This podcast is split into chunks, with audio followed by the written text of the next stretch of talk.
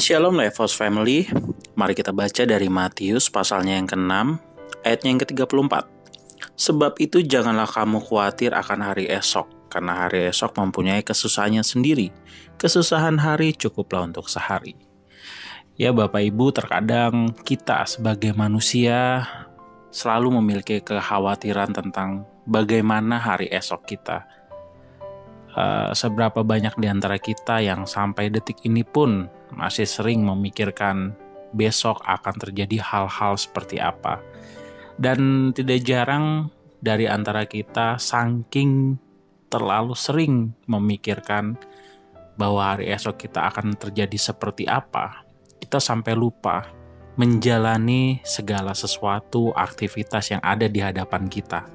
Bahkan kita menjadi tidak realistis. Mengapa saya bilang menjadi tidak realistis? karena terlalu sering kita mengangan-angankan sesuatu, mengandai-andaikan sesuatu, sampai-sampai kita lupa kita memiliki tanggung jawab yang harus kita selesaikan hari ini. Apa contohnya? Semisal, kita sudah memplanningkan banyak hal di dalam kehidupan kita, bahkan masa depan kita, bahkan mungkin bagi pasangan suami istri yang saat ini istrinya sedang mengandung, dan mereka sudah mempersiapkan segala macam banyak persiapan seperti pakaian bayi, popok dan sebagainya. Ini hal yang normal. Tapi alangkah lebih baiknya jika kita konsen terhadap hal yang ada di hadapan kita. Seperti apa? Dari pasangan suami istri tadi, misalnya mengecek selalu kandungannya, ini hal yang betul-betul ada di depan mata, menjaga konsumsi ibunya, jadi ibu hamilnya dijaga, konsumsinya diatur, semua makanan yang bergizi, dan hal-hal yang bisa menunjang untuk proses kehamilan yang sedang berlangsung. Ini akan menjadi lebih realistis. Mengapa menjadi lebih realistis? Karena melakukan hal yang sedang dijalankan. Tidak salah untuk merancangkan masa depan, karena itu sangat baik, sungguh amat baik apabila kita bisa memplanningkan apa yang akan kita lakukan ke depan itu jauh lebih baik. Namun alangkah lebih baik apabila kita bisa lebih serius dan konsen terhadap hal yang sedang ada di hadapan kita. Mengapa saya membicarakan hal ini Bapak Ibu? Terlalu banyak uh, di antara kita beberapa, mungkin lebih tepatnya saya bilang oknum, yang saking terlalu sering memikirkan apa yang akan terjadi besok, sehingga dia memunculkan banyak analisa-analisa atau kemungkinan-kemungkinan yang belum tentu akan terjadi. Nah, ini kadang akan menghambat perjalanan seseorang dalam mencapai sesuatu di bidang apa pun. Benar, baik untuk kita memprediksi sesuatu yang akan terjadi di kemudian hari. Tapi alangkah lebih baiknya jika kita mempersiapkan. Mempersiapkan seperti apa Bapak Ibu? Contoh seperti saya misalnya.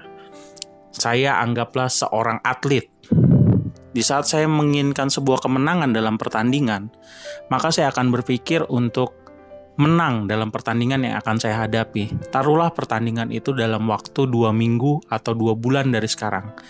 Selama dua bulan akan menuju ke pertandingan, saya tidak akan mengkhawatirkan apa yang akan terjadi di pertandingan itu. Saya akan lebih mempersiapkan diri saya untuk menghadapi pertandingan itu dengan seperti apa. Saya akan melakukan training setiap hari, latihan setiap hari, mengupgrade diri saya setiap hari. Dengan saya berlatih, itu tandanya saya mempersiapkan diri saya untuk menghadapi pertandingan tersebut saya akan menghadapi segala kemungkinan yang akan terjadi nanti di saat pertandingan. Tapi saya mempersiapkan dirinya dari saat ini. Karena dengan saya mentraining diri saya tanpa mengkhawatirkan apa yang terjadi di sana nantinya, urusan menang atau kalah itu urusan nanti di arena. Tapi sebelum saya tanding dan menghadapi pertandingan itu, saya harus meyakini diri saya dulu bahwa saya sudah siap untuk bertanding. Dengan apa? Dengan melatih diri saya setiap harinya. Nah, dari konsep ini kita bisa tarik dalam kehidupan kita sehari-hari bahwa dengan kita mempersiapkan diri kita, memprepare diri kita untuk menghadapi sesuatu, itu jauh akan lebih baik daripada kita mengkhawatirkannya. Kadang kan banyak tuh di saat kita menghadapi sesuatu yang akan terjadi nanti kita sudah khawatir duluan kalau istilah kerennya sekarang itu kita udah parno duluan.